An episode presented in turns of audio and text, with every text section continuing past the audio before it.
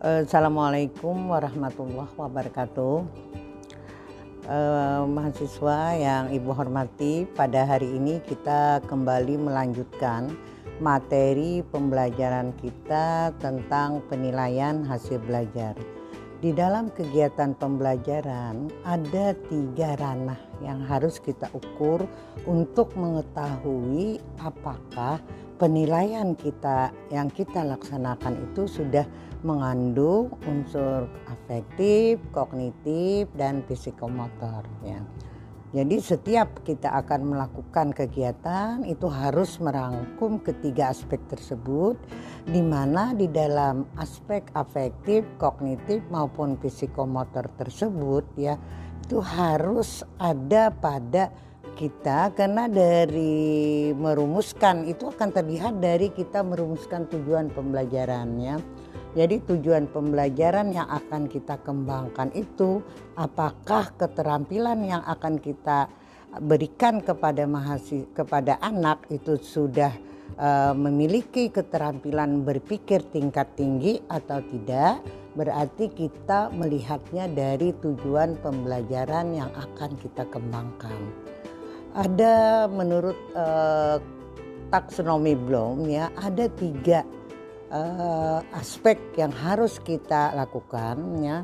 Aspek uh, kognitif aspek kognitif itu ada beberapa uh, hal yang harus kita perhatikan. Itu ada enam tingkatan gitu ya ada ingatan ada pemahaman ada penerapan ada analisis ada evaluasi dan kreatif ya Nah, itu yang perlu kita rancang di dalam melaksanakan kegiatan pembelajaran.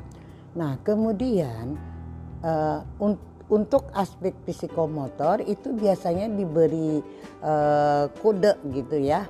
Uh, pakai P, ada P1, P2, P3, ada P4 dan P5 ya. Jadi di dalam uh, aspek sikap ya itu diberikan uh, apa namanya itu kode juga ya ada A1, A2, A3, A4 dan A5 ya.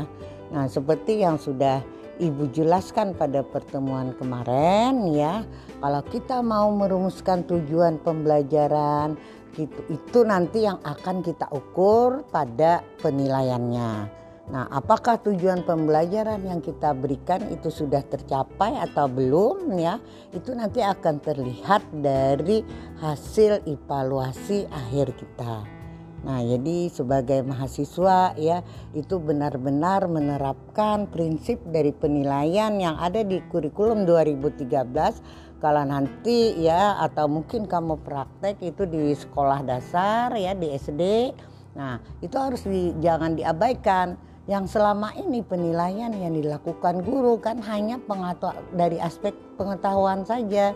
Sedangkan sikapnya ya itu tidak dilihat ya padahal banyak ya yang dapat dikembangkan untuk mengukur sikap itu mengacu kepada nilai-nilai karakter yang kita rencanakan. Ya ada banyak tuh karakter itu kan ada menurut ahlinya itu ya ada karakter religius ya nasionalis ya ada kerjasama ada disiplin. Nah kemudian ada uh, apa namanya nih selain disiplin juga ada uh, karakter percaya dirinya nah itu antara lain yang dapat kita kembangkan di dalam mengukur sikap Nah, jadi kalau kita mengukur sikap itu ya, kita tidak mesti harus penuh, harus beberapa uh, karakter yang akan kita kembangkan. Misalnya disiplin ya di dalam uh, mengikuti pelajaran. Jadi kita harus benar-benar mengamati, uh, kita harus membuat uh, indikator apa yang akan kita kembangkan di dalam kita melaksanakan uh, kegiatan pembelajaran. Itu yang penting kalau kita mau mengukur sikap. Nah, kalau kita mau mengukur pengetahuan ya berarti kita mengacu kepada materi yang akan kita ajarkan ya.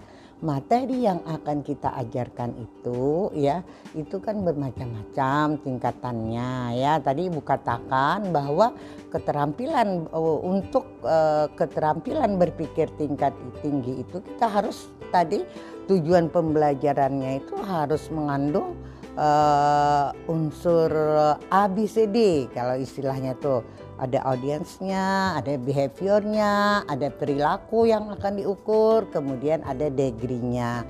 Nah, jadi kalau terkait dengan behavior itu berarti kita mengacu kepada uh, kata kerja operasional yang saya sebutkan tadi menurut taksonomi Bloom ya. Uh, kemudian lagi yang perlu diperhatikan di dalam kegiatan pembelajaran ya kita juga pada pembelajaran inovatif ya selain kita mengacu pada penilaian ketiga aspek tadi di dalam proses kegiatan pembelajaran kita juga harus bisa mengembangkan model dan strategi pembelajaran agar pembelajaran itu lebih menarik. Nah, apalagi pada masa pandemi ini bagaimana kita sebagai guru sebagai mahasiswa ya jangan walaupun kita di rumah tapi kita harus punya kreatif punya inisiatif yang bagaimana.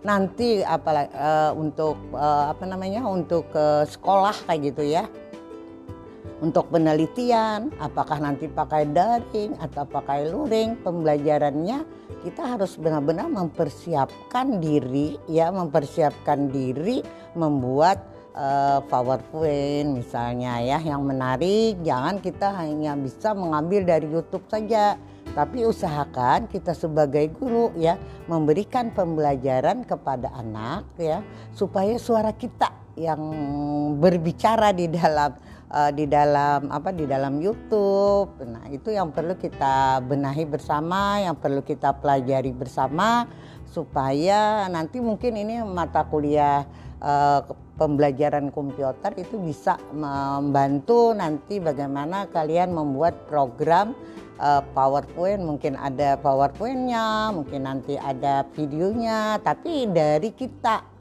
dari kita. Jadi jangan mengajar uh, selama ini kan kamu kan PPL kayak gitu ya. Kalau PPL kita harus benar-benar siap. Jangan terlena, jangan hanya bisa memberi tugas pada anak, tetapi bagaimana kita materi yang kita sampaikan kepada anak tadi dapat dia terima, dapat dipahami walaupun kita melalui Zoom. Ya, mungkin itu yang dapat Ibu sampaikan ya pada hari ini. Nah, mudah-mudahan kita sambil belajar juga eh, kalian ya belajar jangan hanya dengan Ibu saja, baca pelajari di internet ya. Nah, di Google macam-macam banyak sekali teknik-teknik pembelajaran, sumber-sumber belajar yang dapat kamu terima ya. Jadi itu mungkin yang dapat Ibu sampaikan pada pertemuan kita hari ini. Ibu akhiri. Wassalamualaikum warahmatullahi wabarakatuh.